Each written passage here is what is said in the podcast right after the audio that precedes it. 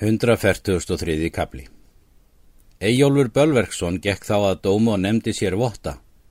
Í það vætti, sagði hann, að svo er lögvörd máls þessa að þér hafi sótt málið í austfyrðingadóm er sækja átt í norlendingadóm, því að Flósi hefur sagst í þing með áskatli goða.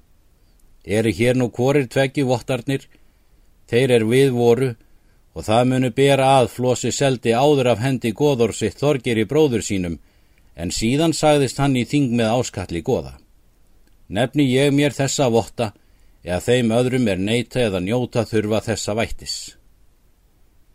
Í annað sinn nefndi Eyjólfur sér votta.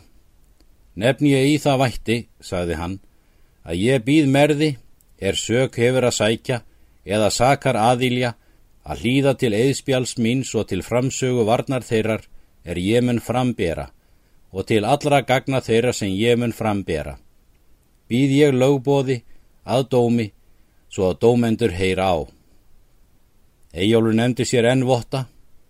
Nefni ég í það vætti, sagði hann, að ég vinn eigðað bók, lög eigð, og segi það, Guði, að ég skal svo mál þetta verja sem ég veit réttast og sannast og helst að lögum og öll lögmætt skil af hendi inna þegar undir mig koma meðan ég er á þessu þingi.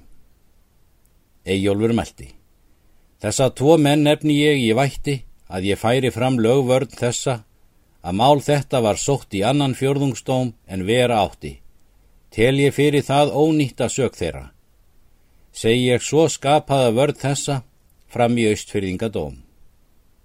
Síðan let hann bera fram vætti þau öll er vörninni átt að fylgja síðan nefndi hann vottað öllum varnargögnum að nú voru öll fram komin.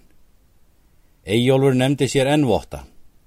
Nefni ég í það vætti, sagðan, að ég ver goða lýriti dómundum að dæma sög þeirra marðar, því að nú er lögvörd framkomin í dómin. Ver ég lýriti, goða lýriti, laga lýriti, efalausu lýriti, fullu og föstu, svo sem ég á að verja að alþingismáli, réttu og allserjar lögum. Síðan let hann dæma vörnina, þeir áskrimur letu sækjum brennumálin og gengu þau fram.